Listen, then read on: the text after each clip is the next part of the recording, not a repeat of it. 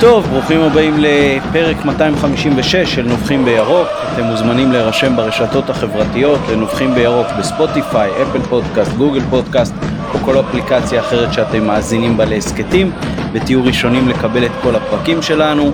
הערב יש לנו אורח מיוחד, יונתן כהן, מה שלומך? שלום שלום, כיף גדול uh, להתארח אצלכם.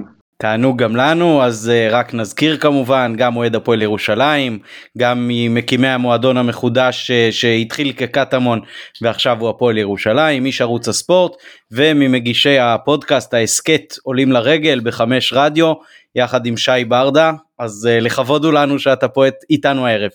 כיף גדול כמי שמאוהב במדיום הזה של הפודקאסטים נפלתי כמעריץ אמנם באיחור גם גם עליכם. זו דרך אדירה באמת אה, לשמוע ולהתעדכן במה שאנשים מרגישים בכל מקום, אדיר. כן, האמת היא שאנחנו באמת אה, מציינים כבר חמש שנים פלוס ובאיזושהי כתבה שהייתה בידיעות אה, אחרונות לאחרונה אז אה, גם למדנו שאנחנו פחות או יותר מהחמישים פודקאסטים הראשונים וגם מאלה שהצליחו לשרוד מעל חמש שנים אז אנחנו מאוד גאים בעצמנו בקטע הזה וכמובן הדברים לא היו יכולים לצאת לפועל בלי מתן גילאור מה העניין עם מתן? בסדר גמור 256 2 בחזקת 8 בוא לפחות נגיע ל-2 בחזקת 10. טוב כל הקטע של מספרים וראיית חשבון זה אתה. אה, יונתן אברהם כרגיל נותן לנו את התמיכה הטכנית מאחורי הקלעים אה, ונתחיל כהרגלנו עם אה, נביחות הכנו גם את האורח שלנו אז יונתן או יהונתן אתה מוזמן לנבוח ראשון. אז כן אני שמח לקחת חלק בפינה הזו ואני מתאים את עצמי אליכם ונוגע בנקודה קטנה שמפריעה לי במכבי חיפה. אחד הסיפורים הספורטיביים האהובים עליי, ואחד הכדורגלנים בכלל האהובים עליי, משחק העונה במכבי חיפה, דולב חזיזה. והוא uh, באמת uh, אהוב ואדיר, והוא בעיקר גם סיפור מצוין על דרך של ספורטאי שלא ויתר, אתם ודאי, יצא לכם להתעמק ואתם מכירים אותו לא פחות טוב ממני, ראיתי אותו גם בליגה לאומית ובתקופות רעות, ויצא לי לשדר גם את שתי הפציעות שלו, ואני לא אוהב את ההתנהגות שלו על המגרש. אני לא אוהב את הפרובוקציות, אני לא אוהב את הקטנות האלה, זה מיותר, הוא כל כך ספורטאי, הוא כל כך uh, מעולה ומעורר השראה, שהוא לא צריך את הקטנות האלה כדי להיראות מחויב. הוא מחויב בדריבל, הוא מחויב בחוכמה שלו, הוא מחויב בגולים. לא צריך את הקטנות, נגד באר שבע זה גם הגיע לשיא, אבל זה בולט בכל משחק, כל פעם שיש מהומה הוא שם. ולברק בכר ולמכבי חיפה הנוכחית יש הרבה פאסון. אבל לפעמים זה בורח לה. זה בורח לה, זה ברח לה בדרבי, זה ברח נגד באר שבע ובעוד סיטואציות, זה לא צריך לקרות. ולדולב חזיזה יש אחריות, כמו לכל אנשי הצוות, ואני מקווה ש... לא יודע, יקשיבו לנביחה ויסיקו את המסקנות.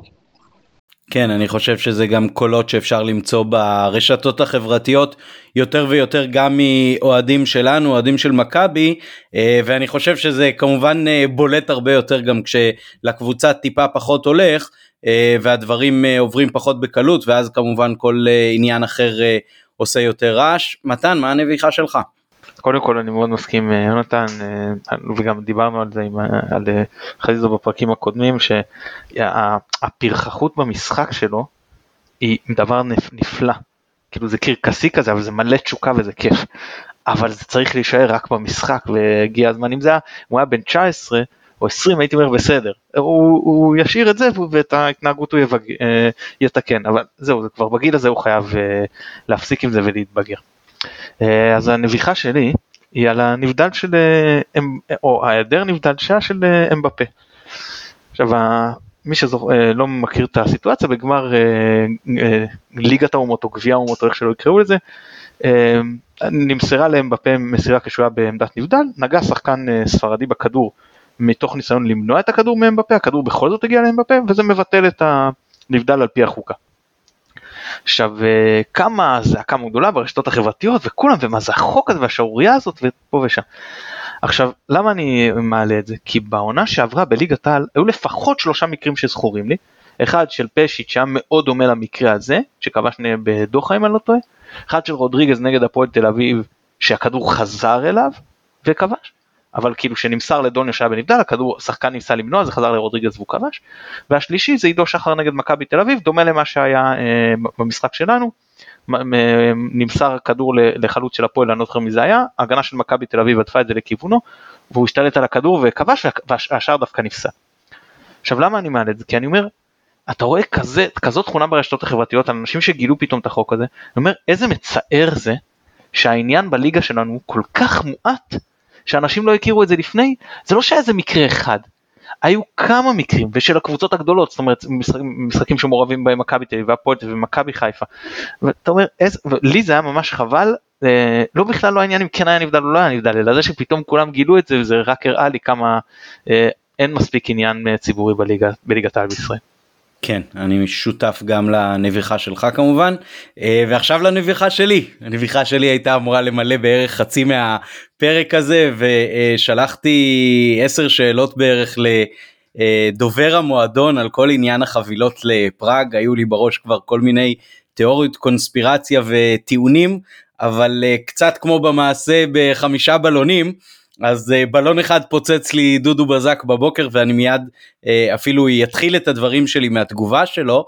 Uh, ובלון שני פוצצה מכבי לפני ממש שעה קלה מה שנקרא כשפורסם באתר שלה מה קורה עם מכירת כרטיסים לטסים לפראג אבל בכל זאת אני חושב שבתגובה שקיבלתי מדודו בגלל השאלות הקצת בסגנון של חקירה נגדית אה, אז יכול להיות שיש קצת יותר נתונים שיניחו את דעתם של אה, אוהדי מכבי ככה או אחרת אה, אם תרצו כמובן תוכלו להתייחס אז התגובה של דודו בזק לשאלות הייתה כזאת. חברת דיזנהאוז היא אחת מהמפרסמים העיקריים של המועדון מזה עשרות שנים. חברה אשר שירתה את אוהדי מכבי חיפה נאמנה במשך שנים רבות. לקראת הטיסה לפראג הוקצו לחברת דיזנהאוז כ-12% מכמות הכרטיסים הכוללת שהוקצו לאוהדי מכבי חיפה. פה אני אוסיף אה, משהו עם שאלות המשך שדודו ענה לי שהוקצו לדיזנהאוז 150 מתוך כ-1200 אה, כרטיסים שמכבי אמורה לקבל מהצ'כים. אה, והוא הזכיר שלמשחק בברלין עם כל הרעש וההמולה שהיו אז אה, בסוף בקופות של מכבי נותרו כ-250 כרטיסים ויש לציין שלמשחק בברלין הרבה אוהדים קנו כרטיסים ליציאים של הקהל המקומי ונכנסו איתם אה, בלי בעיות עד כמה שאני יודע. עוד ממשיכה תגובת מכבי, שאר הכרטיסים יימכרו על פי כללי התעדוף המוכרים וזאת כשבועיים לפני המשחק עם קבלתם. דיזנהאוז אינה קשורה בשום אופן וקשר לטיסת הקבוצה לצ'כיה. לא קיים שום מודל עסקי מול דיזנהאוז. מדובר בשירות לאוהדי הקבוצה המעוניינים להגיע באופן מסודר ומאורגן למשחק בפראג באמצעות חברה מוכרת לנו. לא קיים שום שיתוף פעולה עם שום גורם נסיעות כזה או אחר לרבות רדיו חיפה. אה, מי המציע כרטיסים למשחק עושה זאת על דעת עצמו בלבד. עד כאן מה שנקרא תגובת המועדון. Uh, אני כתבתי לדודו שבסך הכל הדברים מניחים את דעתי כי אני חששתי קצת גם מהכתבות הפחדה שראיתי בחלק מאתרי האינטרנט uh, שהמכירה תהיה רק באמצעות דיזנהאוז או בעיקר באמצעות דיזנהאוז פה אנחנו קוראים שזה uh, חלק שהוא יחסית קטן מהכרטיסים ואני חושב שבמסגרת האינטרס העסקי של המועדון אה, לצ'פר את אחד מהמפרסמים שלו באופן כזה, בוא נגיד ככה, הייתי מעדיף לצ'ופרים אחרים שהם לא לגמרי על חשבון האוהדים, כי מה שקורה הוא ש... אם אתה קונה דרך דיזנהאוז לא שואלים אותך אם יש לך מנוי או אין לך מנוי, אני עשיתי שיחת מבחן כזאת אתמול אה, מול חברת הנסיעות ואמרו לי אין שום קשר, אתה יכול אה, בלי מנוי ובלי כלום לבוא אלינו, לקנות אצלנו, להירשם ו- ולקבל כרטיס. אז זה בעצם אה, סוג של דילוג מעל הקטגוריות שקבע המועדון לתעדוף. אה, אבל זה לא באמת כל כך נורא כשמדובר רק ב-12% אני חושב שזה משהו שיכול להיבלע. Uh, בסך הכל כמובן שלא כל המנויים uh, מנסים להגיע לפראג. Uh, אני כן אומר שאני לא חושב שיש פה איזה שירות מאוד גדול לאוהדים כי uh, האוהדים עצמם למצוא טיסה לפראג בוא נגיד ככה יש ערים שיותר קשה להגיע אליהם בעולם. אם זה היה למשל טאלין שנסעתי עם מכבי עצמה וזה היה חלק מהסבסוד אולי של המטוס החכור אז יכולתי לקבל את זה uh, בצורה יותר טובה והגיונית אבל בסך הכל אני מאוד מעריך וקיבלתי את התגובה מדודו ממש מהר אה, ובצורה מכובדת והוא המשיך להתכתב איתי ואני אה, מברך על זה וגם כמובן ששבתי והזמנתי אותו או כל נציג אחר של המועדון לבוא ולשוחח איתנו ולהתראיין אצלנו, מה שלצערי בשנים האחרונות קורה פחות. אבל אני חושב שבזאת אני יכול פחות או יותר למצות. אני יכול להגיד שחבל לדעתי שמכבי לא פרסמה מבעוד מועד את הנתונים ואת הנתונים המלאים. זה גרם להרבה מאוד תסיסה, אני חבר בכמה קבוצות וואטסאפ של אוהדים שטסים למשחק בחו"ל, גם למשחק שהיה בברלין, גם למשחק הזה, אה, אוהדים מאוד מאוד ערים ומתרחשים סביב זה. וה... הנושא הזה של התעדוף וחברת דיזנהאוז וכל זה יצר הרבה תסיסה ואי ידיעה מה קורה וכמה כמויות ומה יהיה ואני חושב שאם היו מפרסמים מראש כמו שפרסמו אפילו למשחק בברלין מה מועד תחילת המכירה. אה, דודו כתב לי הבוקר שזה יהיה בעוד שבוע בערך המועד הזה ורק אז יפרסמו אבל כנראה שהיו הרבה פניות למועדון והקדימו ופרסמו את זה הערב עוד לפני שקיבלו את הכרטיסים. אני חושב שזה מקרה מובהק שבו שקיפות אה, פותרת הרבה מאוד מהבעיות אה, והיחס של הקהל יכול אה, להשתפר אה, פלאים אם אה, נותנים לו את מלוא המידע בצורה יותר נגישה ויותר מהירה ולא גורמים לכל מיני ספקולציות מבעוד מועד. נדמה לי שקצת הארכתי ולכן אני אה, מעביר בעצם את השרביט אליך אה, מתן שתשוחח קצת עם האורח שלנו אה, גם על הפועל ירושלים בכלל וגם על ההכנות לשבת בפרט. כן רק אני התייחסות קטנה למה שאמרת אז אה, בלי קשר לתוכן עצמו אה, מה שנקרא למאזין דודו בזק אני מודה לך אה, באמת אני חושב שזה אה, אמנם זה התחלה אבל עצם זה שהם חוזרים לשתף איתנו פעולה זה, זה אותי מעודד וזה כיף בסך הכל אנחנו רוצים יחסים טובים עם אה, מכבי אני חושב שכל מי שמכיר אותנו שם שזה בעצם כל הצמרת יודעים כמה אנחנו אוהבים את המועדון הזה ובאים מקום טוב. טוב אבל ממכבי בואו נדבר קצת על הפועל ירושלים. זה יונתן אנחנו בעצם אמנם היום זה הפועל ירושלים אבל זה עבר ככה איזה שלב או שניים בדרך אז בוא תחזיר אותנו הרבה שנים לאחור, משהו כמו עשור וחצי אם אני לא טועה, תקן אותי, תדייק אותי, פתאום מחליטים אה, להיפרד, להקים קבוצה, מה קורה שם? קודם כל זה בלתי נתפס ברמת הבסיס. אני כל פעם שנדרש להרהר לאחור במהלך הזה, בטח לקראת שיחה כמו שלנו הערב, אני משחזר איפה היינו ואיפה אנחנו נמצאים כעת ובאיזה מצב וכמה זמן חלף ומה היו המחירים בדרך וצובט את עצמי כדי להאמין ולהבין שזה קורה. אה, הפועל ירושלים הפך להיות מועדון נורמלי, רגיל, בליגת העל. אה, והדרך לשם הייתה בעיניי חסרת תקדים, מטורפת, כל פריבילגיה שהקולגות שלי נוהגים להשתמש בהם בצורה מוגזמת אה, על בסיס קבוע, במקרה הזה נכונות ותקפות. היה פה שילוב של אגדות, אנשים שהצליחו להגשים חלומות. אה, אנחנו ירושלמים, שגדלנו אה, בעיר שבה הייתה נוכחות מובהקת למועדון שקראו לו הפועל ירושלים. אה, נדבר בטח על אנשים כמוני שנחשפו לראשונה לדבר הזה באייטיז, וזיהו שני כוחות בעיר, אחד בעל, בעל כוח קצת יותר רחב מירושלים, ואחד מאוד מאוד חזק בירושלים, שתמיד היה שם. והיה תחרותי בליגה הבכירה, זו הייתה הפועל ירושלים, מייצרת שחקני בית, היא מאוד uh, מחוברת ל- ל- ל- למקום, לעיר, ו... והיא תחרותית בליגת העל, לא תיקח אליפות, לא זה, אולי ת- ת- ת- תגנוב גביע, אלמלא שלומי דנינו ב-1998 ב- שם נגדכם, אה, או דוידוביץ' שלקח לו כדור, אחרי זה הפסדנו לכם 2-0 ב-98. תחרותית שם, בקיצור, נצחת אתכם, מכה אתכם בקריית אליעזר, בטדי, אבל לאט לאט זה הלך ונעלם, זה הלך והתפוגג, השתלטו על המועדון הזה אנשים אה, שחלקם כוונות טובות ואפס יכולות לבצע, וחלקם אנשים רעים במהות, והם פשוט אה, בצורה סיסטמטית הלכו ומחקו את המפעל הזה, ש, שהיה האהבה הגדולה והבלעדית בספורט של, של קהל של, לא יודע אם רבבות, אבל אלפים רבים רבים רבים רבים בירושלים.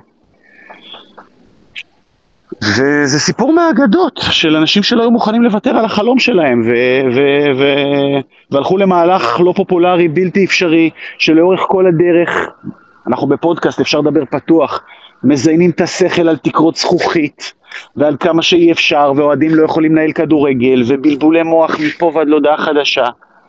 ובסופו של דבר, עם הרבה מאוד עוצמות, עם הרבה מאוד אחדות ואמונה בצדקת הדרך, אחדות, אחדות של החברים לדרך ו- ו- ואמונה בצדקת הדרך, הולכים ועושים וטועים, טועים הרבה ומשלמים מחירים, אבל לומדים מהטעויות האלה וגדלים וכל הזמן מבקרים את עצמנו וכל הזמן ערים למה שקורה מסביב ומנסים גם הרבה דרכים תוך כדי, באיזשהו שלב היה ניסיון לקצר דרך, היינו בליגה לאומית, ואמרנו יאללה בוא נגייס מלא כסף, נביא ערן לוי, נביא קובי מויאל, נביא כוכבים, נעלה ליגה השנה, נקצר את הדרך.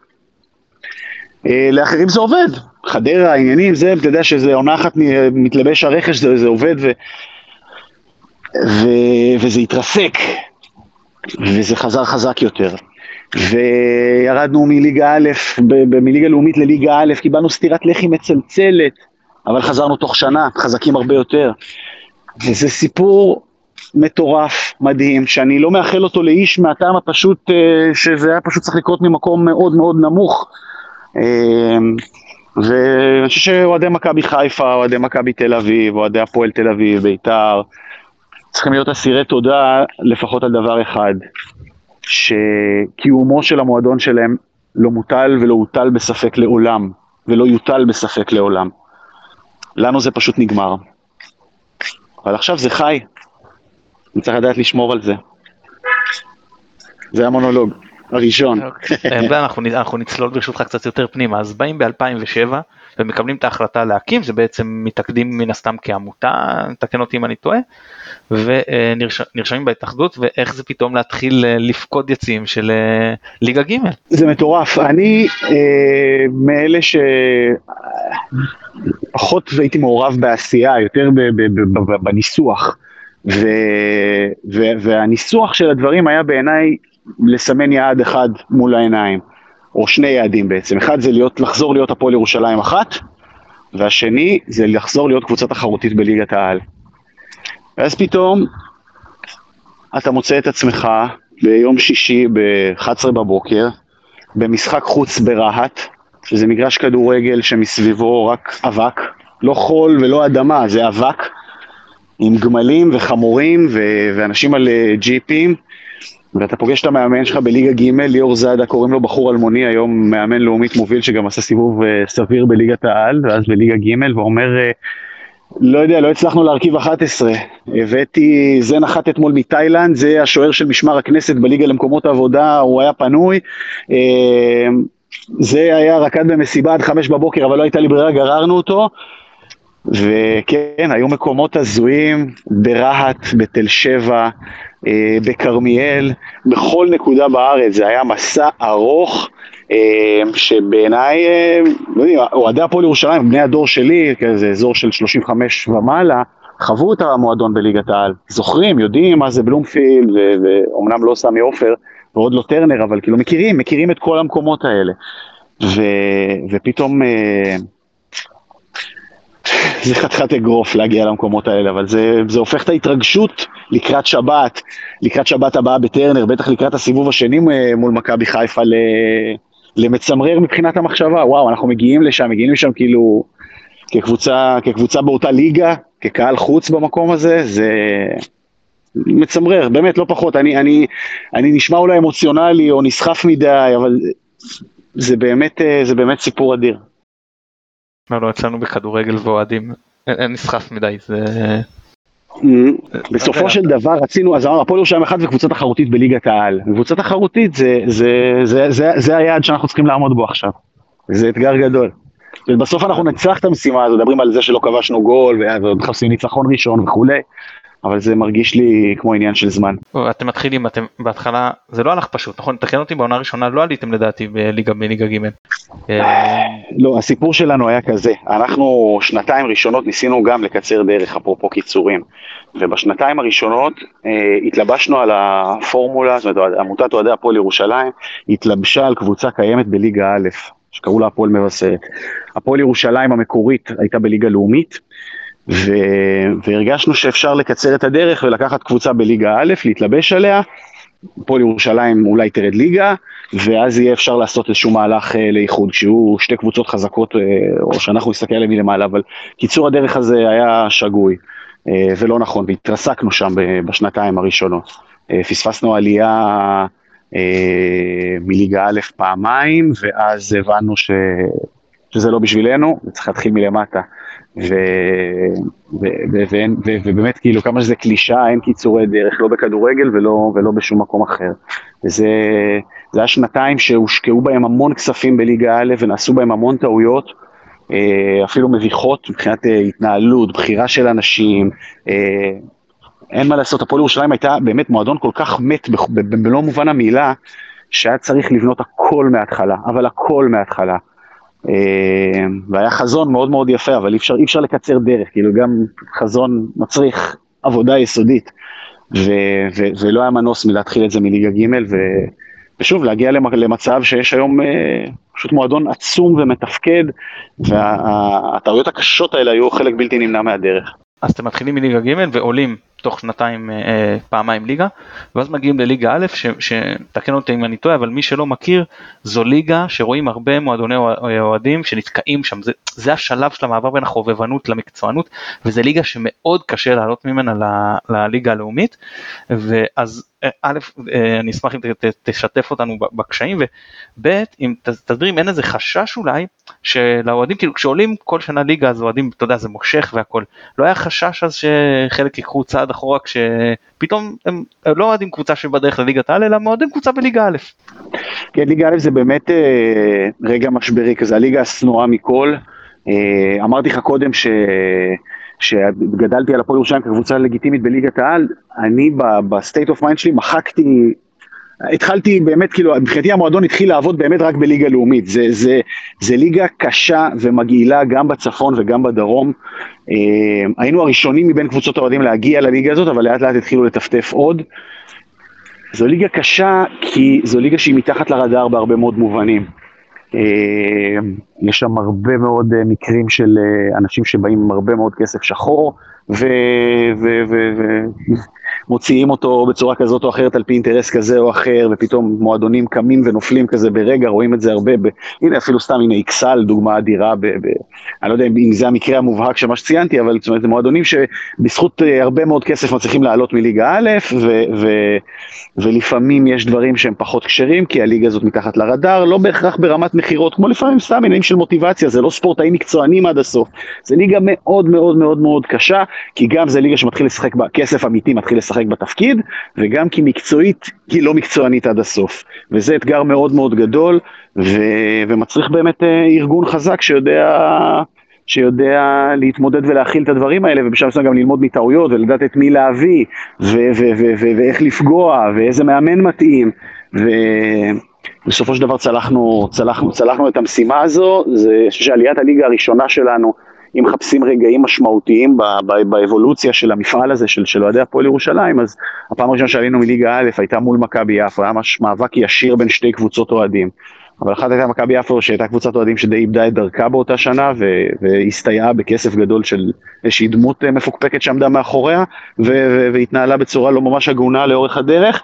לעומת אה, אתה יודע קבוצת אוהדים תמימה שלפעמים צריך להכניס את הידיים לבוץ מכניסה את הידיים לבוץ אבל, אבל בסופו של דבר מועדון אוהדים נקי והיה שם מאבק שהוכרע בסופו של דבר על הפרש שערים הכי מסריח שיכול להיות אבל הרגע הזה הוא רגע מכונן כי שם הפועל ירושלים עשה את הקפיצה הראשונה שלה למקצוענות, הפועל קטמון בשעתו, יפו נשארה מאחור, ובעצם אולי רק השנה היא מצליחה להרים ראש אחרי הדבר הזה, חלפו איזה שמונה שנים מאז. וכן, זה אתגר גדול מאוד לעמותות אוהדים, זה השלב שבו אתה עומד בפני המקצוענות, וזה, יש פער מאוד מאוד גדול בין uh, הדבר הנחמד הזה שנקרא קבוצת אוהדים וקהילה וכולי, לבין, לבין מקצוענות. זה ה... זה, זה, זו הנקודה הקשה ביותר, הרגע שבו אה, רבים לא מצליחים לעשות את המעבר, כי כנראה הם קטנים מדי. אם אני זוכר נכון, תקן אותי אם אני טועה, היה שם איזה ויכוח גם בין האוהדים שלכם לאוהדים של יפו, הרי ידוע שבליגת העל מה שמכריע זה הפרש שערים הכולל. ושם אם אני לא טועה החליטו שמשום שיש את אותה חשד למכירה והכל אז יהיה רק הראש בראש או משהו בסגנון ואני זוכר שאחת הקבוצות אני שוב לא זוכר בדיוק מי אבל הייתה עם הפרש שערים כללי יותר טוב והשנייה הובילה בראש בראש והיה שם ויכוחים על זה ובסופו של דבר. אה, אה, לא שינו את החוקים עלינו עלינו עלינו בצדק עלינו על פי החוק היבש של הליגה. ברור ברור. אה, לא שינו את הכללים באמצע אבל שינו את הכללים אחרי. שינו את הכללים אחרי. זאת אומרת, מעתה, מאז, מאז, מהעונה שאחרי, החליטו שהפרש שערים לא יכריע. היה שם סיפור סביב הפרש השערים, סביב קבוצה שהפסיקה לשחק, היה באמת לא, לא כדורגל. שהקבוצה, המועדון החזק יותר והקבוצה הטובה יותר עלו בסופו של דבר, אבל, אבל זה לא הוכרע בצורה, זאת אומרת, ההכרעה עצמה לא הייתה הכי, הכי אלגנטית. אה, אבל אין מה לעשות, זה, זה, זה אלה החיים. אוקיי, וכמה זה היה משבר לרדת חזרה לליגה הזאת? או שאמרתם, עכשיו אנחנו כבר מכירים את זה, אנחנו יודעים, אנחנו נעלה צ'יק צ'אק, אנחנו מספיקים. לא, זה רגע, הנה, הם צריכים לסמן רגעים מכוננים באבולוציה, זה עוד אחד מהם, זה הרגע הבא. הרגע הראשון היה פעם ראשונה שעלינו ללאומית, והרגע המכונן השני היה ירידה מהלאומית. ההבנה הזו, שיש פער מטורף, נגעתי בזה בתשובה הקודמת, פער מטורף בין... אה, בין, בין חזון, בין אה, רצון של אוהדים לבין, לבין באמת התנהלות מקצוענית של מועדון. אה, באותה ירידת ליגה הבינו אנשי הפועל ירושלים, הפועל קטמון, אה, ואנחנו האוהדים, ובוודאי מי שניהל את המועדון, הגיע להבנה מאוד ברורה.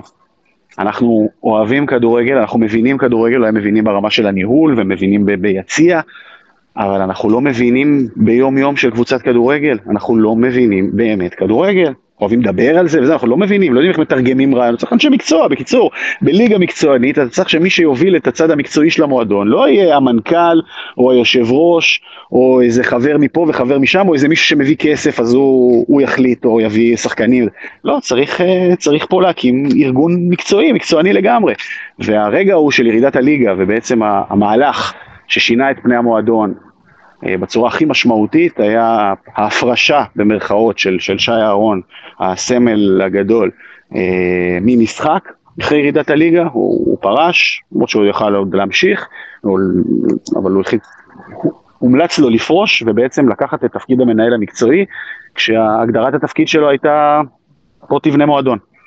היית בהפועל ירושלים בימים הגרועים, היית, הוא היה כדורגלן נבחרות אה, בגילאים הצעירים, הוא שיחק קצת אה, במכבי פתח תקווה ובעוד מועדונים, ראה, טעם קצת אומנם בגזרה המקומית אה, ובעיקר סבל בהפועל ירושלים. אה, וידע איך לא עושים דברים ומה כן צריך לעשות, במקביל היה גם איזה קורס אה, בהתאחדות באותה שנה של, של מנהלים מקצועיים ובעצם אה, באותו, באותו, באותה ירידת ליגה שי אהרון הלך ובנה מועדון מאפס ברמה המקצועית. האוהדים הבינו, אנחנו לא מבינים, שי, זה שלו, כמובן, יש לו מדדים שהוא צריך לעמוד בהם, יש יעדים שצריך לעמוד בהם, אבל הוא האיש שבונה את המועדון, ו... ובחלוף שבע שנים של עבודה, הגיע הפועל ירושלים לליגת העל, אה, כשהיא חזקה, כשהיא תוצרת מקומית, כשהיא אה, עתידה מובטח לשנים הקרובות, מחלקת נוער יצרנית, אה, מערכת סקאוט, בקיצור, מועדון שמצליח להתנהל בתקציב נמוך, בצורה הכי מודרנית ומתקדמת שיש. אה, וזה תולדה של אותה ירידת ליגה ששאלת אותי עליה.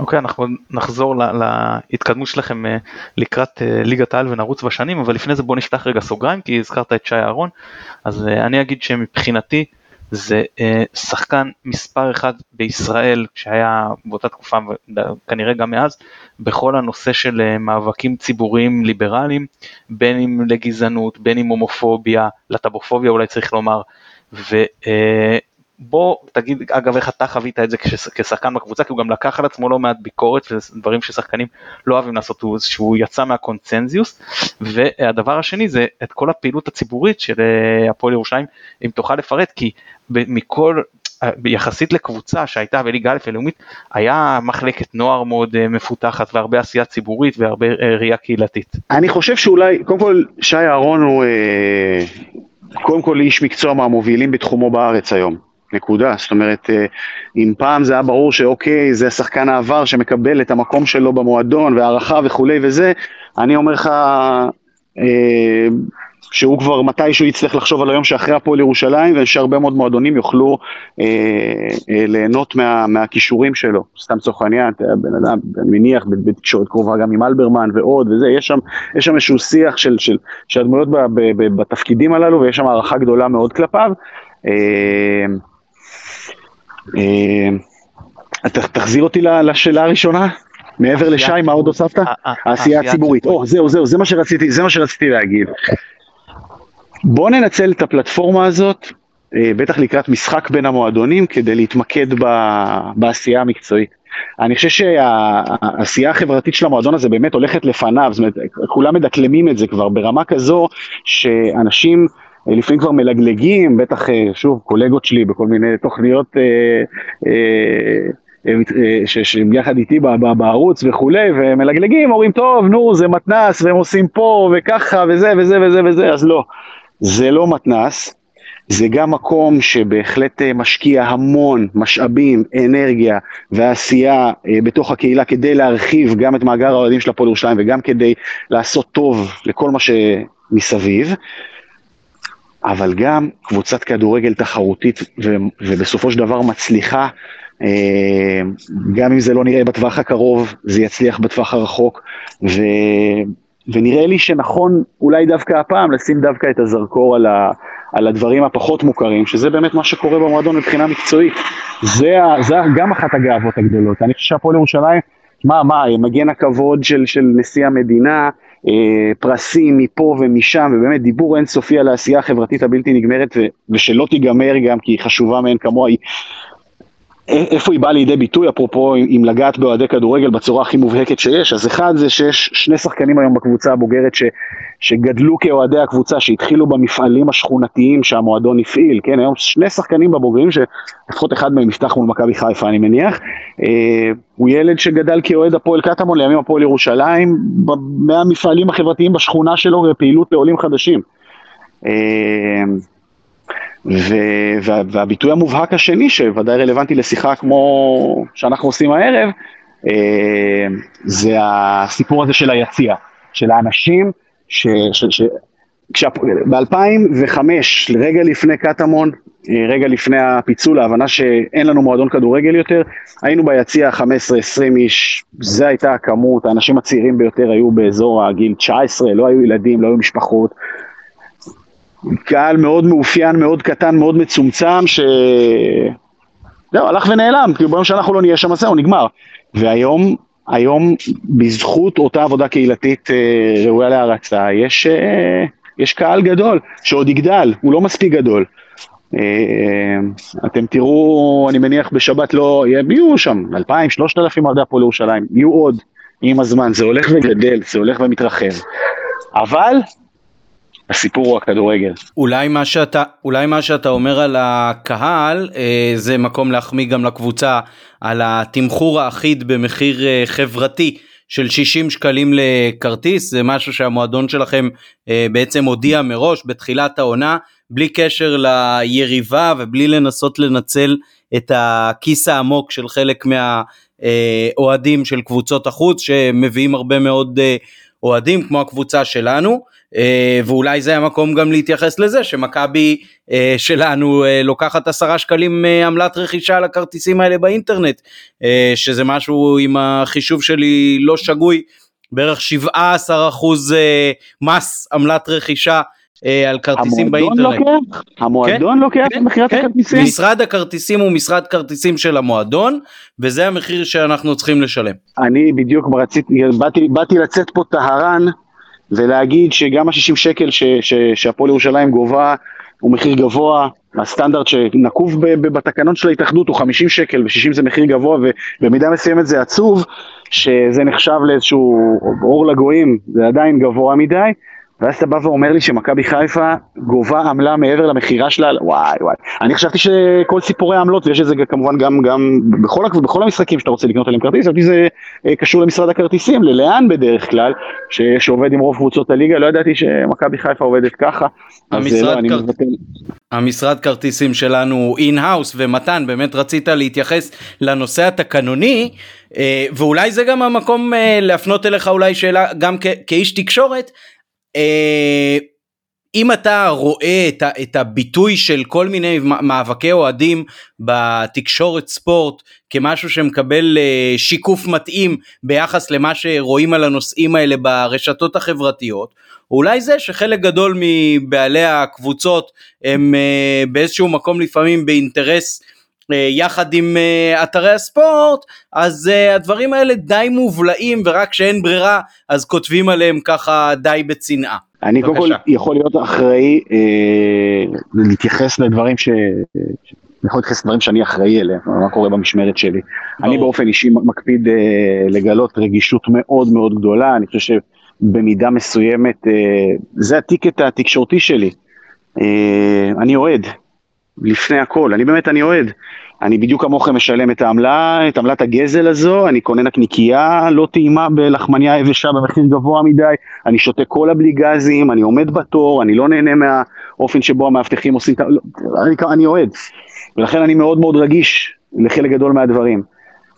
אני חושב שיש לי ראייה קצת קצת יותר רחבה ולפעמים גם קצת יותר הבנה של, של, מערכ, של, של, של איך המערכ, המערכות השונות עובדות, שלפעמים אני חושב שלא כל זעקה יש בה היגיון, אבל בגדול אני מאוד מאוד רגיש לדברים האלה, ואם יש אה, איזושהי עוולה או עניין, אני תמיד אה, אהיה רגיש ואעשה את המיטב לתת לו את הבמה בתוך המקומות שאני נמצא בהם, על בסיס תכוף וקבוע. ובסופו של דבר, מבחינת אה, הסתכלות מערכתית, אני יודע, מערכתית של המקום שאני עובד בו, אני יכול לחלוטין להגיד את הדברים בלב הכי נקי שיש. אני יודע שהעבודה שה, וההתייחסות לדברים היא באמת אה, ברמה הכי מקצועית ועניינית שיכולה להיות. בכל מצב, אין עניינים של אינטרס ואין עניינים של בעל בית, יש נטו, אה, לצורך העניין, איכות הסיפור והעניין לציבור, זה הכל, וברגע שיש עוולה או עניין או משהו, הוא יקבל את הבולטות הראויה ואת הטיפול המקצועי והענייני ביותר, אני שם את, ה, שם את היד שלי על זה. אה, קודם כל אני אתייחס, אגב גם, אני אציין שגם אנחנו, גם עמית וגם אנוכי עם תעודות עיתונאי וגם אנחנו הולכים ליציעים של האוהדים ומשלמים כרטיס על כל משחק ומשחק, כאילו מאז הקורונה, מאז שפתחו את היציעים חזרה לאוהדים אז אנחנו מעדיפים להיות שם. אה, ולגבי העניין של המחירים, אז רציתי לשאול אותך על זה וכאילו להתקיל אותך קצת, אני צוחק, כן, אבל אה, אמ-, אמרת את זה בעצמך, 60 יחסית לסטנדרט היום בליגת העל זה באמת, כמו שעמית אמר, זה, זה מחיר באמת אה, יפה, בעיקר למה שאנחנו רגילים לשלם כאוהדי מכבי, אבל זה גבוה מהתקנון, ולפי התקנון, אם הפועל ירושלים לוקחת 60, היא הייתה צריכה לתת חצי מהכרטיסים לילדים ולנוער ב-30 שקלים. זאת אומרת, אני, אם אני לוקח את, ה... אני לוקח את שני הילדים שלי למשחק, לא הייתי צריך לשלם עליהם גם למעשה 70 שקלים לכרטיס, נגיד הפועל ירושלים לא יכולה לשלוט בעמלות, אבל 60 שקלים לכרטיס אלא חצי מזה, אלא אם לוקחים אחיד של 50 שקלים. אז לטעמי, אה, מבחינת המחיר אני לא נכנס לאם זה אה, גבוה או לא, אתה אומר 50, יש, אה, אז התארח אצלנו בעבר קובי ברדה ואמר שלדעתו 60 זה המחיר שמאזן את הקבוצה ביום משחק, את רוב הקבוצות נגיד חוץ מהמשחקים הגדולים, אבל גם אם מחליטים על 60 אני חושב שראוי לכל הפחות לשנות את התקנון, מנהל תקין, אז, אז תעבדו כמו שצריך, בכל זאת גוף ציבורי, אני מדבר על ההתאחדות לכדורגל ודו-מהותיים המועדונים וצריכים לציית. טוב, זה נסגור סוגריים, אני ברשותך חוזר עכשיו, אה, אתם עולים ליגה פעם שנייה, ואז יש הרבה מאוד אה, אינטריגות, אני שם לב ברשתות החברתיות, למרות שאין לי הרבה מאוד אה, נגיעה לאוהדי הפועל ירושלים ואז קטמון, בכל זאת אני רואה לא מעט טרקשטוק בין הקהלים של אתם נוטשים וזה, הרבה כעס מצד האוהדים של הפועל ירושלים הישנה עליכם, איך אתה, אתה מרגיש את זה, איך זה בא לידי ביטוי גם ביציע, בדרבי? קודם כל, יש פה קטע מרתק ש... שאנחנו חווים אותו ולומדים אותו וגדלים לתוכו כל הזמן. לפני שנה וקצת, אה, המשפחה אוחדה. המשפחה אוחדה לפני שנה וקצת, אחרי 15 שנה, 14 שנה. אנשים ב-15-14 שנה, זה, זה מחזור חיים שאני יודע איך צוברים חוויות שונות ודעות שונות וסיפורים שונים ו, ומפרשים סיטואציות דומות בצורה שונה, נוצרים פערים מטורפים, 15 שנה. וחוזרים אל תוך קורונה, כן? חצי שנה שאוהדים את הקבוצה, אבל לא יכולים בעצם להיות שם. זאת אומרת, אז גם אם מנסים לייצר איזשהו מפגש של יאללה בוא, בוא נתחבר מחדש, הוא לא מתאפשר כי חצי עונה יש קורונה. ואחרי זה חוזרים לקורונה, חוזרים, ל, חוזרים ליציע, הקורונה נגמרת אה, לשמחתנו, זכינו לראות את עליית הליגה והמגרש, אבל חוזרים גם לקבוצה מנצחת. יענו, נותנת הצגות ו- וחזקה מאוד, ו- ואז כאילו הכל טוב. ועכשיו, אה, באופן טבעי לחלוטין, אה, מתמודדים עם הניסיון הזה של לייצר חיים משותפים בתוך מציאות מורכבת ולוחצת של כדורגל. ויש פער, יש פער מאוד מאוד גדול שנוצר ב-15 שנה הזה, בהרבה מאוד דברים, אה, אה, ויש אה, צורך במאמץ מאוד מאוד גדול מצד כולם, מכל כיוון, אה, לדעת אה, בשלב ראשון להכיל ואחר כך אה, להבין איך חיים ביחד. ואיזה סטנדרטים אנחנו קובעים לעצמנו כקהל וכבני אדם, ו... וזה חתיכת אתגר, זה חתיכת אתגר, ולכן אה, אתה רואה את הדברים הללו, הפייסבוק, אין כמו הפייסבוק כדי לשקף אה, לפעמים דברים, לא בהכרח את הווליום שלהם בתוך היום-יום, אבל בהחלט לשקף את, ה... את הדילמות ואת האתגרים שעומדים איתם. ו... והסיפור של היציר... כן, מה? אני שואל אם האוהדים של הפועל ירושלים הישנה נקרא לזה, שנשארו איתה לאורך כל התקופה, הם באים עכשיו למשחקים? כן, כן, הרוב המכריע. יש, יש בודדים שנשארו בחוץ, אני תמיד אמרתי בכל מיני שיחות ל, בתוך המועדון או ברדיו ירושלים ודברים כאלה, אמרתי, תשמעו, בסופו של דבר יש פה, יש פה קושי גדול, חלק מהאנשים כמו אוהדי הפועל ירושלים הקלאסית, שאלה שבוודאי היו מתנגדים של קטמון, אני מניח שלא קל לראות את מה שהם התנגדו לו כל כך, אה, מצליח כל כך, ואז פתאום לבוא ולהתחבר אליו. זה, זה, זה סיפור רגשי לא פשוט בכלל. אני לא אומר את זה בציניות, כאילו זה ממש אתגר.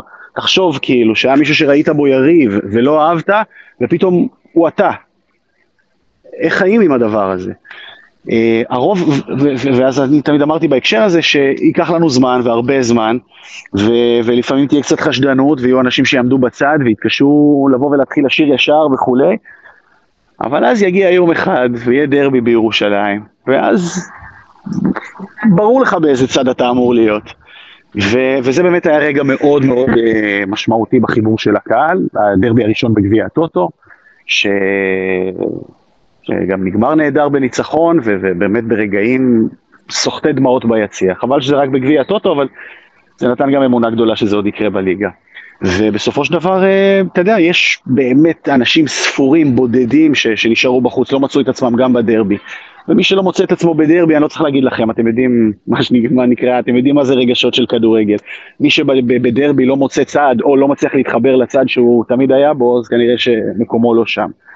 אמ, אבל בגדול אנחנו בתקופה מאתגרת ומרתקת ומלהיבה וראשונית, ואני מאמין ב...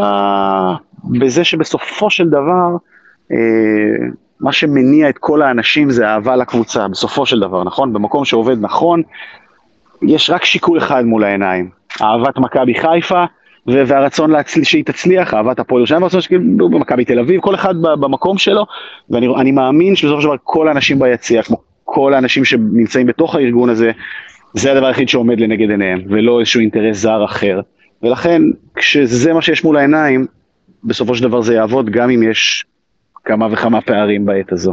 רגע לפני שאנחנו נעבור uh, למה שבאמת uh, יותר קורה על הדשא, אז אני אזכיר שראיינו פה בזמנו את uh, מודי ברון לקראת אחד הדרבים, uh, והוא היה מעורב באיזשהו מיזם שבזמנו האוהדים של uh, הפועל חיפה לקחו תחת חסותם את קבוצת הנוער של המועדון, ואחד הדברים שהכי זכורים לי מהשיחה איתו זה זה שהוא אמר, uh, מי שאוהד עדיף לו uh, לשמור כמה שיותר מרחק אה, ממה שקורה בתוך המועדון אה, פנימה. לשמור על מין אה, טוהר כזה ו- ולא לערבב את הדברים. זה מה שהרבה עיתונאים אומרים אגב, גם ש- שהם לא רוצים להכיר את, הגיב, את מי שהם היו הגיבורים שלהם לפני שהם נהיו עיתונאים, כי אז הם יכירו בני אדם די מבאסים, וזה נכון לגבי חלק, וזו אמירה, אמירה מדויקת של מודי. לשמחתנו, יש להפועל ירושלים את אורי שרצקי, שהוא גם איש לא נחמד במיוחד, אבל, אה, אבל, אבל, אבל הוא איש אדיר שעובד, לא רואה בעיניים, ומגדיל את המועדון הזה ברמה הארגונית, כך ש, ש, שפה בהפועל ירושלים נחמד מאוד להכיר את האנשים, נחמד מאוד להיות בפנים, שווה מאוד להיות חלק ולהצטרף לדבר הזה בכל צורה. זה פשוט מעורר השראה ושווה לכולם. לא, לא, לא, לא, לא הצמחייה הגבוהה והנחשים של קריית חיים. כנראה. כן, זה, כן, זה, זה, זה גם אחרת, זה גם אחרת מן הסתם בין מועדון אוהדים, ל, ל, זה, זה גם לא אותו דבר, הם לא לקחו את זה כאיזושהי בדיוק, זה המהות של ההקמה של הדבר הזה, רצינו לנקות את המקום הזה מה, מכל הדברים האלה, וזה, וזה בדיוק מה שקורה, נכון, נכון. כן, נכון. הם, הם, הם גם לקחו את זה מספר אוהדים עמידים לא גדול מדי, הם שמו כל אחד כמה עשרות אלפי שקלים בשנה, זה, זה, זה, זה סיפור אה, קצת ש, שונה, כי זה, אה, עכשיו רגע, רגע, שני, עוד שני דברים ברשותך לפני שנצלול קצת לעניין המקצועי, אז אה, אחד, תראה אנחנו לא מזמן זכינו באלוף אלופים ובגביע הטוטו ואני מודה שיצאתי מהאיצטדיון בשתי הפעמים ומאוד שווה נפש וזה נחמד ניצחנו אבל לא עפתי על זה איך זה מתור בתור אוהד של קבוצה שכאילו מתחילה חזרה מליגה ג' לזכות בגביע הטוטו של הלאומית זה סוג של קתרזיס או שלא מתרגשים? זה עבורי זה היה נחמד הגדו, המשמעות של הדבר הזה וזה אתה צריך להבין מתן בעיניי זה האימפקט על הילדים. ישבתי שם עם חברי הטוב אסף כהן, ספורט אחת, חבר ילדותי, אה, הוא עם בועז בנו, אני עם יואב, ישבנו שם בגמר באיצטדיון רמת גן, וידענו שאנחנו מנצחים, אה, מרמורק, היינו עדיפים, אבל הילדים היו בטירוף, והילדים, ש... לא יודע כמה זה, זה היה באוגוסט, ספטמבר, חודש וחצי, חודשיים אחרי שראו את גריזמן, פוגבה וזה, מניפים את גביע העולם, ראו את יוגב לרמן מרים את גביע הטוטו, זה היה מבחינתם אותו דבר. עם We are the champions ברקע וזה, אז אנחנו אפילו לא הלכנו לחגוג לדעתי, שכחנו מזה באותו ערב, אבל אצל הילדים זה נצרב כרגע מאוד מאוד משמעותי שאנחנו מגדלים ילדים אוהדי הפועל ירושלים בתל אביב. זה אתגר פה. ו... וזה רגע שאני חושב ממוקם אצל הילדים כ... כאחד הרגעים שזהו, שסינדלו את האהבה, סינדלו זה מילה שלילית, אבל אתם מבינים, כאילו קיבעו את האהבה, לא יודע, זה גם לא טוב. לא יודע, נו, זה, המפתח נכנס לסוויץ', חלק כאילו, והניע, זה הרגע. אז, אז, אז, אז, אז אולי אתה פחות נהנית מאלוף האלופים, אבל לך תדע איזה אימפקט זה עשה אצלך בבית ובבתים אחרים, זה הדבר המשמעותי.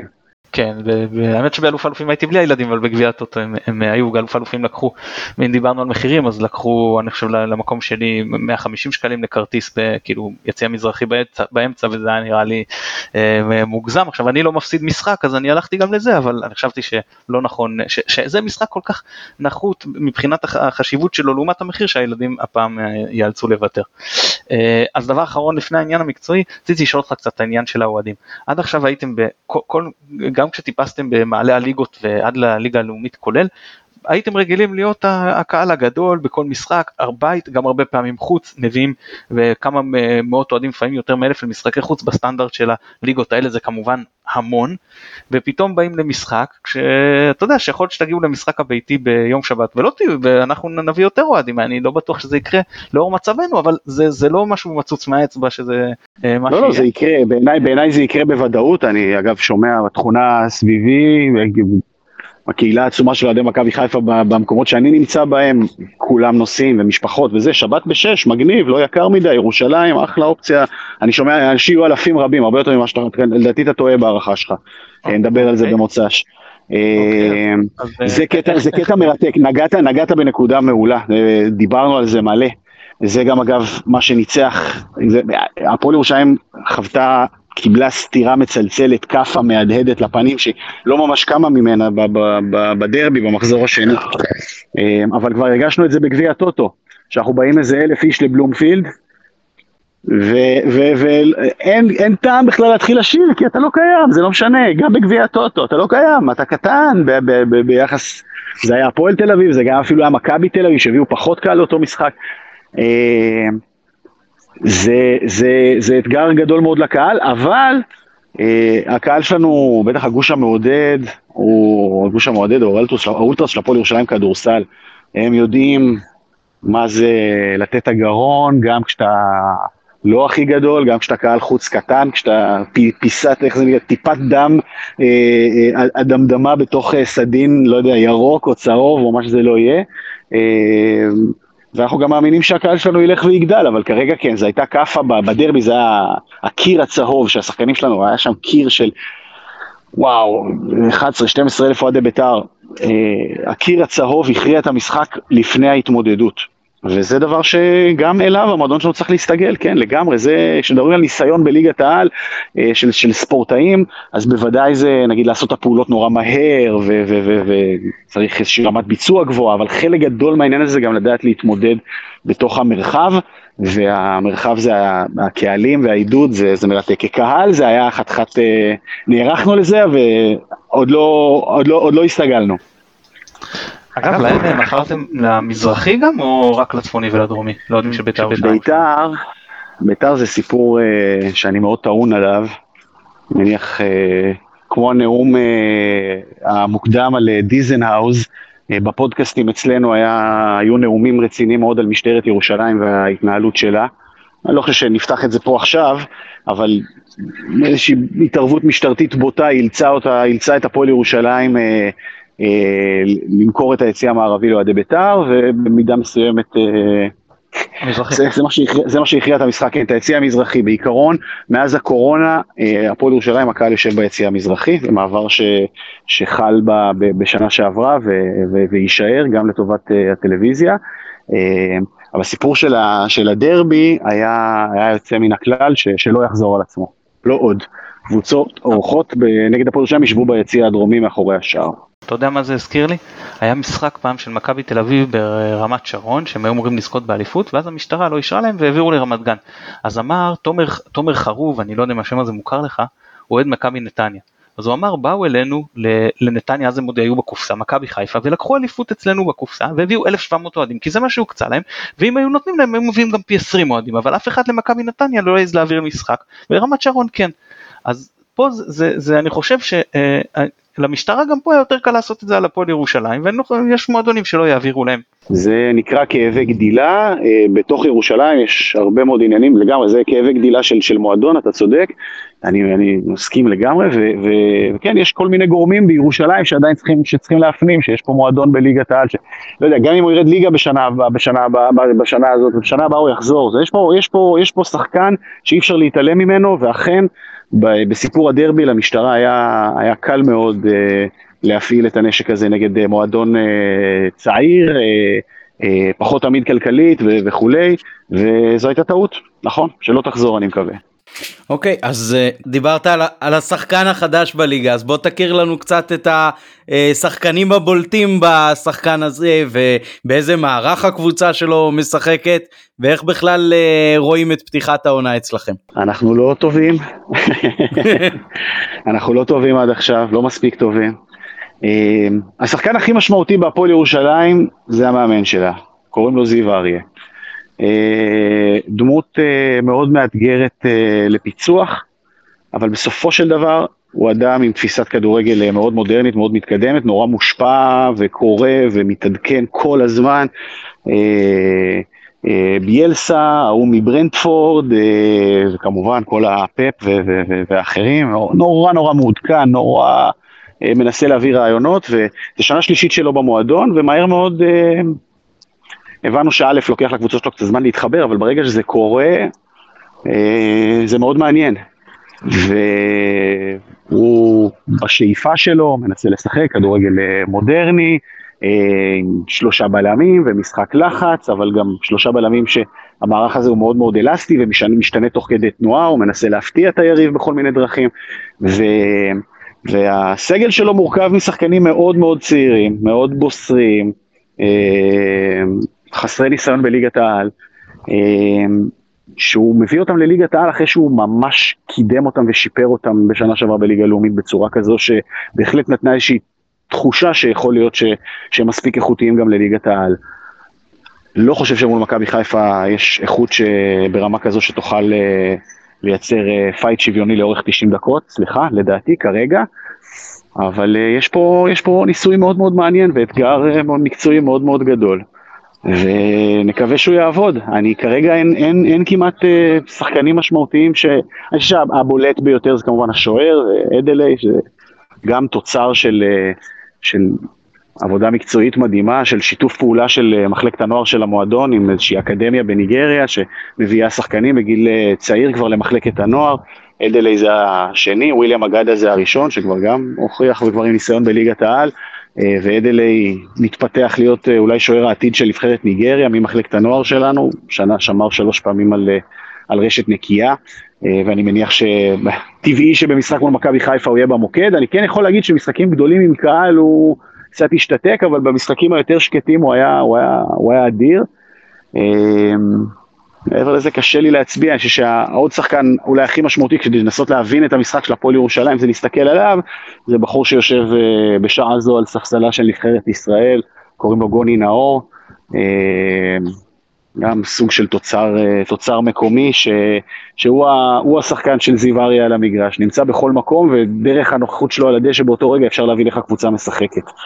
אה, מעבר לזה, כדי שאני אציין שחקנים, הם יצטרכו לבוא ולהרשים, זה עוד לא ממש קרה העונה, גוני היה סבבה ואדלי סבבה, אבל uh, צריך לתת גולים, דבר שמאוד מאוד קשה uh, בינתיים, ו... ואני לא אופטימי במיוחד לקראת מכבי חיפה. טוב, כיבוש שערים בינתיים גם אצלנו, אה, כל אחד והצרות שלו. אל תשווה, אל תשווה. כן, כן, אני לא משווה, אני לא משווה, אבל גם אצלנו אה, זה, זה עוד לא הפורטה של אה, תחילת העונה באירופה וגם לא מה שהיה בשנה, שנתיים הקודמות. מתן, אתה רוצה גם להתייחס משהו להפועל ירושלים, או כבר להגיד לבכר שייקח עט ודף וירשום את ההרכב? לא, אני רק אגיד לגבי הפועל ירושלים שבאמת יש שם בעיה התקפית וזה גם מה שרואים במגרש מה שלי יצא לראות וגם אתה רואה את זה בנתונים למשל במשחק נגד מכבי תל אביב XG של כאילו שערים צפויים של 0.22 זה נמוך מאוד זה כאילו את המשחק הזה לא ראיתי כי באותו זמן הייתי במשחק שלנו ואני מודה שלא השלמתי אבל זה מראה קבוצה שכאילו שלא היה אף מצב איכותי מאוד במשחק אה, להפועל ירושלים. אה, לא יודע, אולי שווה לציין את אה, רוסלן ברסקי אה, גם אה, בדרבי גם שהיה מכבי תל אביב הקילומטראז' שהוא גם עשה לנו אה, צרות שחקן שלא מפסיק לעבוד. כן אבל... הוא פוסט קורונה הוא פוסט קורונה ו... ו... אבל כן. הוא, הוא בסופו של דבר זה, זה, זה הבעיה הוא לא מצליח להשלים 90 דקות במשחקים האחרונים אבל הוא, הוא לגמרי השחקן הכי משמעותי זו הייתה פה החלטת מועדון תחשבו על זה שעולים ליגה בדרך כלל רוב הקבוצות שעולות תמיד מתחזקות בשחקנים מהקבוצות שירדו או מכאלה שנאבקו על חייהם פה הוחלט. להשקיע, במקום להביא ארבעה, חמישה, שוב, בתפיסה, כן, אני לא יודע, זה, זה יתברר בהמשך האם זה נכון או לא. אה, במקום להביא ארבעה, חמישה, נקרא להם בינוניים, שמים את, ה, את, ה, את המטבעות על, על ברסקי אחד, ובהחלט הוא שחקן ברמה מאוד מאוד גבוהה, זה מדהים שהוא, שהוא לובש את החולצה של הפועל ירושלים בעינינו. אוקיי, okay, אה, טוב, אז אני אעבור לאיך שאני רואה את ה... איך אני חושב שמכבי צריכה לפתוח. אז בשער כמובן אה, ג'וש כהן, אין שאלה. מגן אם אני הבנתי שריין סטריין כבר אה, אמור להיות אה, זמין, אז אם הוא זמין אז בוודאי שאני מעוניין לפתוח איתו, ואם לא אז רז מאיר בברירה. הבלמים דהן ופלניץ' אז כמובן גם הם נחו וגם ארד, גם מצד אחד הוא בנבחרת וגם הוא קיבל אדום אז הוא לא זמין למשחק. וכמגן שמאלי הייתי אולי עם טלב טוואטחה, פשוט משתי סיבות. אחת זה העומס שיש על אה, סן מנחם אה, בנבחרת, אני כמובן לא רוצה להעמיס עליו עוד, והדבר השני זה, אה, זה משחק להמר בו על התקפה, אני לא מזלזל ביריבה, אבל בכל זאת, אם פה, לא, כאילו אנחנו במצב אחרי תוצאות לא ממש טובות, חייבים לנצח את המשחק, אתה, אתה, אתה חייב להמר פה על התקפה, וטלב הוא בהחלט שחקן שאת המימד הזה נותן לך, הרבה יותר משון גולדברג. בקישור אני הייתי פותח עם רודריגז ומחמוד ג'אבר, שוב, כרגע לביא ואבו פאני לא זמינים, אה, עלי מוחמד אה, שיחק בנבחרת, אני מעדיף לתת לו לנוח כי אנחנו נכנסים לעוד אה, עומס משחקים וזה באמת המשחק שעל הנייר לפחות הוא, הוא הכי נוח בזמן הקרוב, אז אם לא תיתן לו לנוח פה אז מתי הוא ינוח. בקישור ההתקפי אז השלישייה של חזיזה, שירי ודוד, כן, דוד הכוונה על אגף שמאל, יצידי מורחק. ובן סער מבחינתי זה החלוץ. אה, למה אתה מעדיף דווקא את אה, בן סער על האחרים? קודם כל אני חושב שכתשע הוא הכי מתאים. זאת אומרת הוא שיחק במהלך הקריירה אני חושב רוצה לתת לו הזדמנות וב' אני חושב שהם נכנס, הולכים למשחק אירופאי ביום חמישי אז אתה רוצה שם יותר עניין של אה, פחות כאילו חלוץ שהוא, שהוא על הטיקט של כובש יותר חלוץ שיציק להגנה שישבש לה, ליריבת המשחק ושם אני רוצה לפתוח עם דוניו. ועכשיו את דוד אני צריך פה על שמאל אז הוא לא, לא, לא רלוונטי לי כחלוץ. כן ברור. Uh, בסדר בסך הכל אני שותף לדעתך אני מאוד רק מקווה שגם uh, לגבי סטריין וגם לגבי uh, נטע לביא הקבוצה לא תמהר להחזיר אותם לפני שהם באמת 100% כי בטח לא במשחק הזה חייבים uh, לעשות את הדבר הזה אם כבר אז קחו ריזיקה על uh, משחק שהוא בפרופיל יותר גבוה עם כל הכבוד להפועל ירושלים ולזה שזה רק מחזור שישה בליגה אז אני חושב ש, שחשוב יותר לוודא אה, שהם מחלימים מהפציעות שלהם אה, באופן מלא לקראת אה, המשחקים שאנחנו עוד פעם נכנסים לרצף כזה שכולל אה, גם שני משחקים באירופה בבלק אה, קרוב. אה, עוד משהו לקראת אה, שבת מתן? לא, נראה לי ש... אני מודה שאני פשוט לא מכיר מספיק את אה, הפועל ירושלים כי לא יצא לי כמעט, אני לא רואה הרבה ליגה לאומית. אז uh, מהקצת שיצא לראות את המעונה אני לא מרגיש שאני מספיק מכיר את הקבוצה כדי להתייחס ממש למצ'אפים וכאלה. אוקיי okay, אז uh, נגיד עוד פעם uh, תודה ליונתן כהן שהצטרף אלינו היה פשוט תענוג לשוחח איתך. תודה תודה גם לי היה ממש מהנה לשמוע אתכם ו- ולהשמיע לכם. זה עניין של זמן מתן אתה תכיר ויהיו מצ'אפים ויהיו מאבקים מאתגרים זה עניין של זמן. בתקווה. אני אחזור ואפנה להסכת אה, עולים לרגל שיונתן הוא שותף לו ואני יכול להגיד שברדיו 5 של אה, ספורט 5 יש אה, הרבה פודקאסטים טובים ומעניינים. אני באופן אישי מאוד אהבתי את הפרקים שעשו אורי דגון ואסף כשר עם כל מיני עיתונאי ספורט רובם מהוותיקים בתחום והיה פשוט מרתק לשמוע בטח על דברים שאני זוכר אותם כילד ולקבל ככה זוויות אחרות על הסיפורים ויש שם עוד הרבה פודקאסטים טובים. אתה יודע להגיד משהו על, על נתוני ההאזנה שלכם מול פודקאסטים אחרים, איך אתם בכלל תופסים כעיתונאי ספורט שזה המשלח יד שלכם את כל הנושא הזה של תקשורת של אנשים שעיסוקם בדרך כלל הוא אחר כמו מתן ושלי נגיד או נמרודי ושרמן בציון שלוש? זה נפלא. לכל אחד יש דעה ולכל אחד יש תפיסה ובטח בדבר כזה כמו כדורגל שהוא, שהוא באמת פתוח לרעיונות שונים ומגוונים. יש מקום להכל, יש מקום להכל, ו... וזה אדיר לתת לאנשים את האפשרות לבחור את התוכן שהם רוצים לצרוך. Uh, אני מציע תמיד לגוון ולשמוע כמה שיותר, ולא להיצמד על, uh, על ווליום, על, על סגנון אחד או על כיוון אחד. Uh, נתוני האזנה אצלנו בערוץ הספורט הם מעט מורכבים בגלל הפלטפורמה הפחות נגישה או היותר מורכבת של דרך האפליקציה בלבד ולא בפלטפורמות הרגילות של פודקאסטים, אבל אנחנו מתייחסים לזה בחרדת הקודש והכבוד שפודקאסט צריך לקבל, ומצליחים uh, לייצר תוכן שאנחנו נורא נורא מרוצים ממנו, נורא אוהבים אותו, ומתפתחת uh, קהילה גם סביב הדבר הזה. Uh, וזה נורא נורא נעים ונורא נורא כיף אה, אה, להרגיש את זה. שוב, דורש שימוש בפלטפורמה יותר מורכבת מהפלטפורמות המוכרות, אז אה, נקרא לזה, הקהלים אולי אינם ענקיים, אבל הם בהחלט איכותיים מאוד. אה, כן, זה באמת משהו שהוא אה, סוג של אה, מגבלה.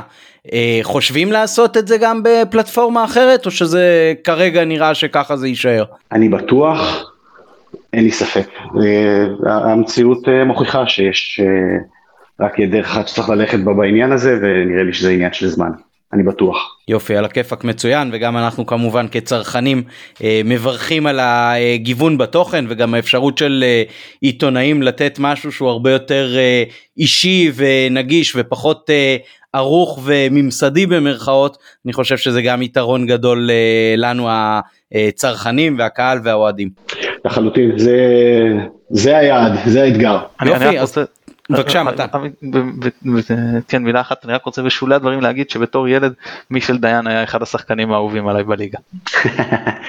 בצדק הוא באמת היה אה, קוסם playmaker אה, playmaker ירושלמי מחריפות עם פלפל עם אה, ראיית משחק מופלאה מצבים נייחים אדירים של פעם של פעם אין כאלה אין כאלה. טוב אם אתה אם אתה מזכיר אותו אז אני אוכיח שאני קצת יותר uh, זקן ואני אגיד ששחקן הרכש היחיד של uh, מכבי חיפה באליפויות הראשונות שהגיע מהליגה הבכירה הוא מהפועל ירושלים ציון מרילי uh, כן גם יצא לי אחר כך להיפגש איתו ברמה האישית כמה וכמה פעמים ובהחלט גם uh, בחר להישאר פה בחיפה אחר כך. אבל הוא באמת יחד עם זי ארמלי שבא מליגה א' ואחר כך הליגה הארצית משפרעם היו שחקני הרכש היחידים. המון המון תודה שוב אה, יונתן, תמשיכו לעשות אה, את אה, עבודת הקודש. תודה רבה, זהו, דיברתי פה באמת הכי פתוח כאוהד שיכול להיות וסיפרתי את סיפורה של הפועל ירושלים, מה, שנקרא, מה, מהעיניים שלי, אני מקווה שזה היה מעניין לכם אוהדי מכבי חיפה. היה לי כיף גדול, תודה רבה לשניכם. המון המון תודה. תודה מתן. תודה לך, תודה ליונתן, היה פשוט מרתק. כן, ותודה גם ליונתן אברהם שנותן לנו את התמיכה הטכנית מאחורי הקלעים.